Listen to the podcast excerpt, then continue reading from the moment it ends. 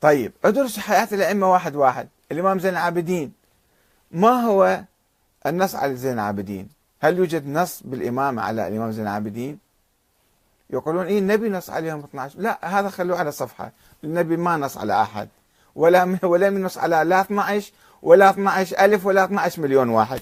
ما هذا خلوه على جنب. ادرسوا تاريخ الأئمة. شوفوا الحديث اللي يرويه الكافي ويروي الآخرون. أنه حدث نقاش بين محمد بن حنفية وبين زين العابدين. نقاش يعني فكري هو مختلق. يعني نقاش آه، مفترض. هو غير لم يحدث هذا النقاش وإنما إجوا ناس تخيلوا هذا النقاش في القرن الثاني الهجري. فقال آه، محمد بن حنفية قال زين العابدين أنا الإمام تعال أنت تتبعني. قال له لا أنت لست الإمام أنت لست معي من قبل الله قال أنا وصي على ابن أبي طالب وأخو الحسن والحسين قال له لا هذا لا يكفي. طيب ماذا يكفي؟ قال له نذهب إلى هل يوجد نص عليك؟ لا يوجد نص على زين العابدين. لا أحد يدعي لا أحد أبدا. لا المفيد ولا الطوسي ولا المرتضى ولا الصدوق ولا واحد يدعي وجود نص بالإمامة من الحسين على علي بن الحسين. حتى الإمام الحسين يقولون أوصى إلى أخته زينب برعاية الأطفال يعني لم يوصي بالإمامة. فقال لنا نذهب إلى الحجر الأسود.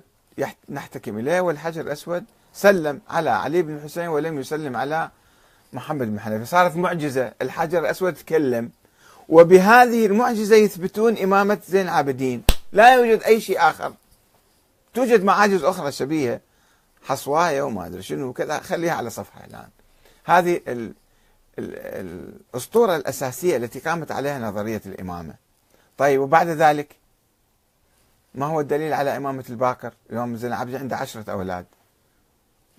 كيف نثبت إمامة الباكر طيب بعد ذلك كيف نثبت إمامة الصادق؟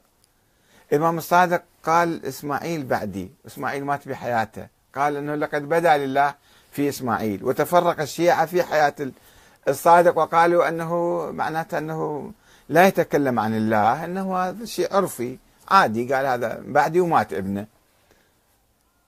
وصارت الفرقة الإسماعيلية. قالوا لا ما دام هو نص عليه فإذا هو الإمام. وما مات إسماعيل. وإسماعيل بقى حي وبعدين مات. وصارت الفرقة الإسماعيلية. ثم إجينا على بعد الصادق. من الإمام بعدك؟ لم يقل بعد ذلك من هو الإمام بعدي.